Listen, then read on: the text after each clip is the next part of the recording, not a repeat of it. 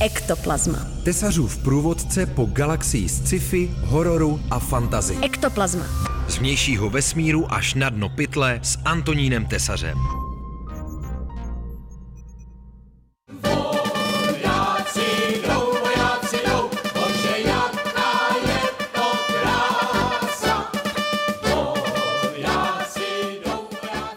Příjemné odpoledne přeje a k poctě zbraň dává šalský generál Antonín Tesař.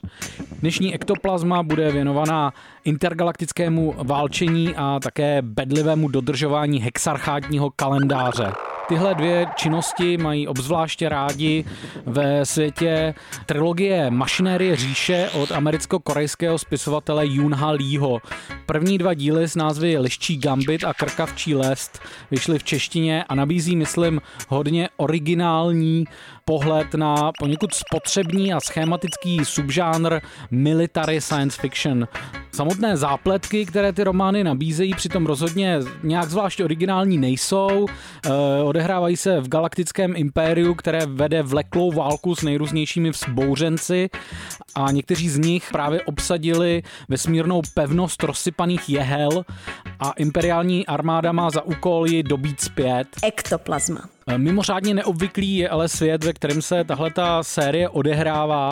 Galaktické impérium má totiž extrémně rigidní strukturu, která je založená na kastovním principu a držení se přesných časových harmonogramů. Je to prostě společnost, která je postavená na extrémním geometricky přesném řádu. Běh té společnosti řídí unifikovaný kalendář, který je stvrzovaný množstvím rituálů, které se pravidelně opakují a mají udržet časoprostorovou jednotu celé té říše. Matematika a prostorová představivost také hraje rozhodující roli při kosmických bitvách a hlavně při vymýšlení eh, rebelí proti hexarchátu, proti té galaktické říši.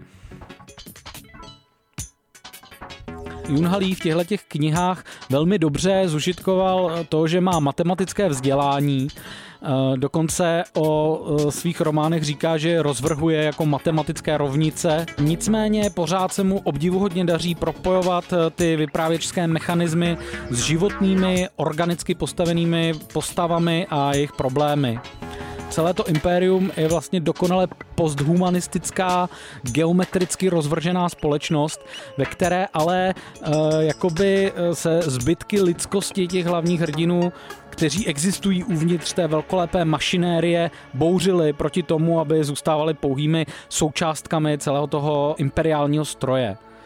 Vedle toho se ty knihy pořád dobře čtou jako strhující a vlastně v čem dost klasická vojenská sci-fi eh, se všemi typickými prvky, jako jsou strhující bitvy, intrikování a zrady, eh, krutá rozhodnutí, při níž je často nutné ve jménu vítězství eh, obětovat vlastní vojáky, často i trochu zbytečně a e, jsou tam i pohledy do životů a myšlení samotné pěchoty, která je vlastně odkázaná na to, kam je válečná mašinérie posune. Nenápadně, ale myslím si taky velmi eh, zajímavě se do téhleté originální eh, série promítá i fakt, že Junha Lee je transosoba, která se identifikuje jako muž do té knihy se to dostalo vlastně navzdory tomu, že on sám říká, že genderové identity ve své tvorbě příliš eh, nerozebírá, protože je to pro něj obtížné a bolestivé téma. Přestože ty první dva díly Mašinérie říše nemají rozhodně gender jako hlavní téma, tak se tam přece jenom ty motivy nějakým způsobem dostávají.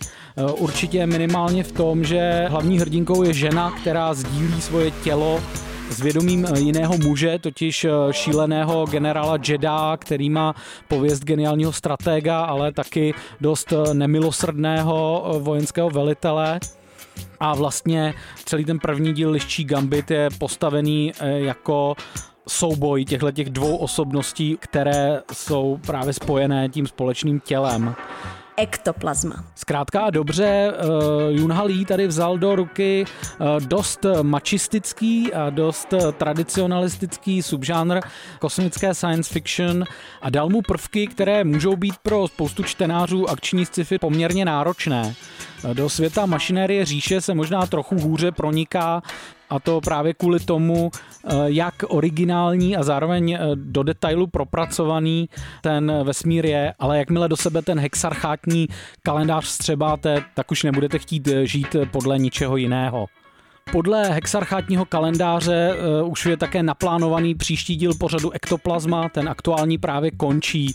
Loučí se s vámi a mnoho příjemného kalendářního kacírství vám přeje Antonín Tesař. Pohov.